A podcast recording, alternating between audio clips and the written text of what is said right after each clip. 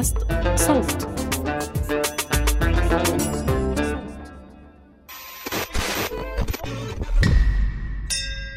أهلا. أنا بسنت سمهوت وحابة أرحب بيكم في الحلقة دي من المستجد جدا الفقرة المصغرة من بودكاست المستجد. بنقدم لكم فيها آخر الترندات والأخبار في كبسولة ملخصة جدا. بتحصل لنا كتير.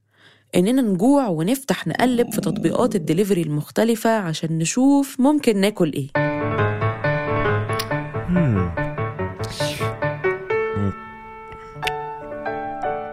نتصفح وسط خيارات كتير وبعد حوالي عشر دقايق من التكتكة بتكون مظبط الطلب المثالي.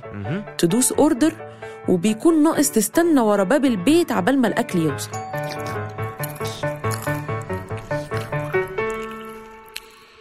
بس لو كنت في الإمارات وعملت order في الشهر اللي فات يمكن يكون وقع في حظك إنه في يوم حصل تأخير زيادة أو طلبك موصلش ده عشان سواقين الدليفري لطلبات ودليفرو عملوا إضراب. أضرب عمال توصيل المواد الغذائية في الإمارات عن العمل للمطالبة بزيادة الأجور وتحسين ظروفهم. الإضراب بيسلط الضوء على واقع سواقين الدليفري اللي بيشتغلوا لحساب التطبيقات اللي بنطلب منها بشكل شبه يومي.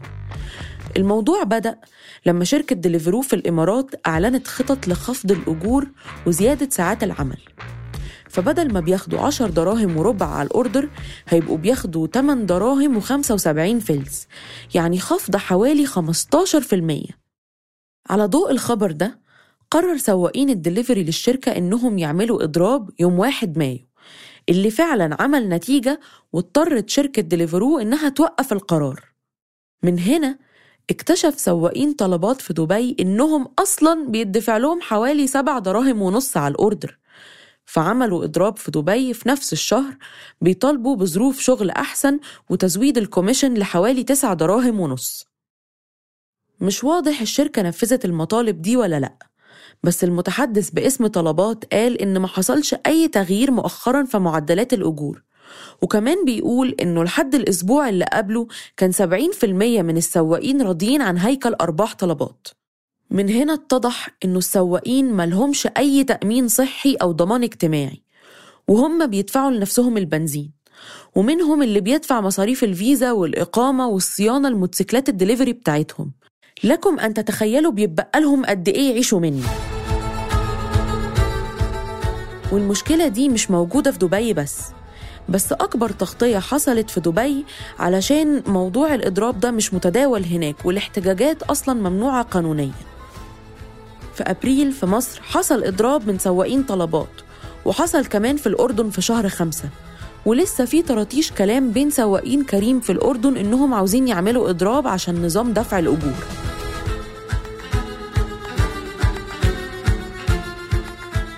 من الشركات في اللي بيستجيب للمطالب زي دليفرو وفي اللي بيدي جزء خفيف زي بدلات أو مكافآت في مصر على الشغل في رمضان بدل ما يعلوا الأجور فعلا.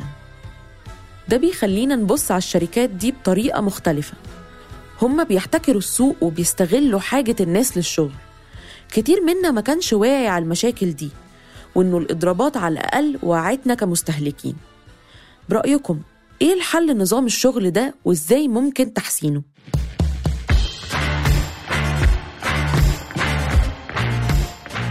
كنت معاكم من الإعداد والتقديم بسنت سمهوت من التحرير عمر فارس ومن الهندسة الصوتية تيسير قباني. ما تنسوش تتابعونا على المستجد جدا كل أربع عشان تعرفوا إيه الجديد من الترندات. أما المستجد العادي هيكون معاكم يوم الحد وهنحكي لكم عن الانتخابات في لبنان. بودكاست المستجد جدا من إنتاج صوت.